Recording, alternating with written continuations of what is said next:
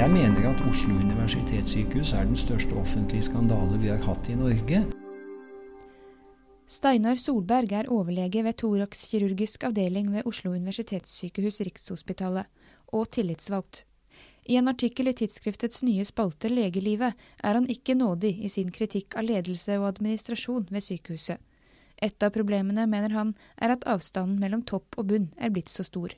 Da jeg på første delen av 70-tallet var sivilarbeider, ufaglært laborant på Rikshospitalet, så var det færre sjikt mellom eh, meg den gangen og sykehusets direktør enn det er mellom meg i dag som overlege i thoraxkirurgi og sykehusets direktør i dag. Det er ganske tankevekkende, og vi ser også hvorledes administrasjonen øker og fjerner seg fra kjerneoppgavene ved sykehuset.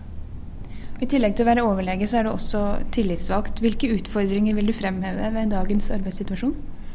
Ja, Det er bl.a. å håndtere den frustrasjonen som er hos veldig mange av de ansatte, og for min del av overlegegruppen, som kanskje er de som rammes hardest av det. For det er vel det som i bedriftsforståelsessammenheng kan kalles mellomledersjiktet. Selv om vi formelt sett ikke er mellomledere, så er vi det i veldig stor grad i funksjon.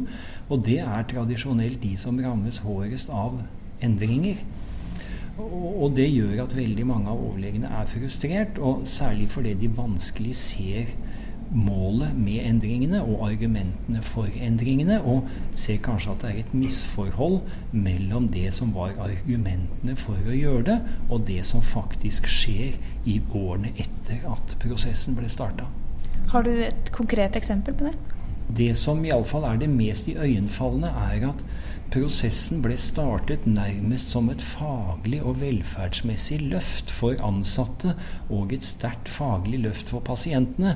Men det eneste som har vært av endringer, det har vært økonomisk motivert. Solberg mener Oslo universitetssykehus er topptungt. Så topptungt at det så å si har mistet kontrollen det har blitt, eh, blitt, så stort at det er ingen som har oversikt, eller i, ytterste fall bare noen få, som har en god nok oversikt over hele sykehuset. Direktøren har det definitivt ikke, og kan ikke ha det. Det er ikke, det er ikke mulig for et menneske å ha det over en så stor organisasjon.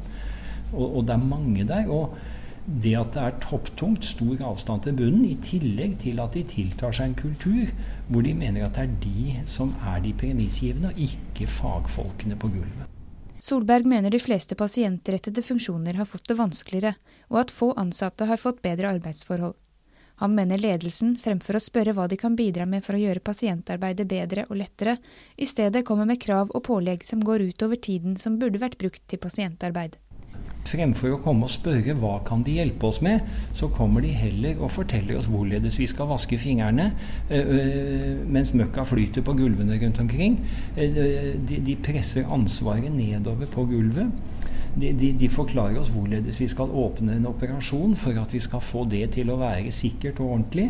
Fremfor da komme og spørre hva de kan hjelpe oss med, så kommer de med ordre for hvorledes vi skal gjøre jobben, vi som faktisk da står med ansvaret på i, i den daglige driften. Solberg mener løfter og planer ikke er holdt, og at budsjettet får forrang foran alt. Han kaller hele prosessen en skandale. Ja, jeg mener at Oslo universitetssykehus er den største offentlige skandale vi har hatt i Norge. Fordi den omfatter så mange mennesker. Den omfatter så mange viktige samfunnsfunksjoner. Jeg tror ikke verken pasienter eller befolkning på noen måte har bedt om dette. Personalet har ikke bedt om det. Det er vanskelig å se målet videre avgått departementsråd i, i, i Helse- og omsorgsdepartementet kom jo også med en, en, slags forklaring på at de har en skjult agenda. Ved at hun sa at uh, årsaken til sammenslåingen mellom Helse Øst og Helse Sør for en del år tilbake var kranglingen mellom legene på Rikshospitalet Ullevål. Det var ikke fremmed den gangen, sånn at det er åpenbart at de har en skjult agenda i mange sammenhenger. Jeg vil da påstå at uh, sykehusets ledelse er i all hovedsak glansbildeprodusenter for å fremstille dette som en suksess, som det er veldig få av de ansatte som er i stand til å se. Hva bør gjøres da, mener du? Ja, jeg mener at man, Det er som i all behandling. Når vi ser at uh, behandlingen går gal vei, så må man i hvert fall erkjenne at diagnosesettingen er gal. Da må man gå tilbake og si at dette var et galt utgangspunkt. Så må man i hvert fall starte med en erkjennelse at dette er ikke farbar vei å gå videre. Og så får man diskutere hva man kan gjøre etter det.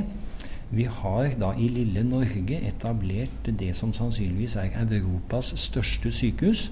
Selv kinesere som er på besøk, de sier at dette er for stort og uhåndterlig. Og at det er i hvert fall første steg å starte med et skritt tilbake og la de tidligere sykehusene få en stedlig ledelse, få et, eh, en oversikt og få oppgaver, og ikke drive denne veldig stordriftstenkningen som er ødeleggende. Administrerende direktør ved Oslo universitetssykehus, Bjørn Erikstein, sier han respekterer Solbergs syn, men ønsker ikke å kommentere saken ytterligere. Du kan lese hele artikkelen til Steinar Solberg i tidsskriftet nummer ti. Jeg heter Eline Feiring. På gjenhør.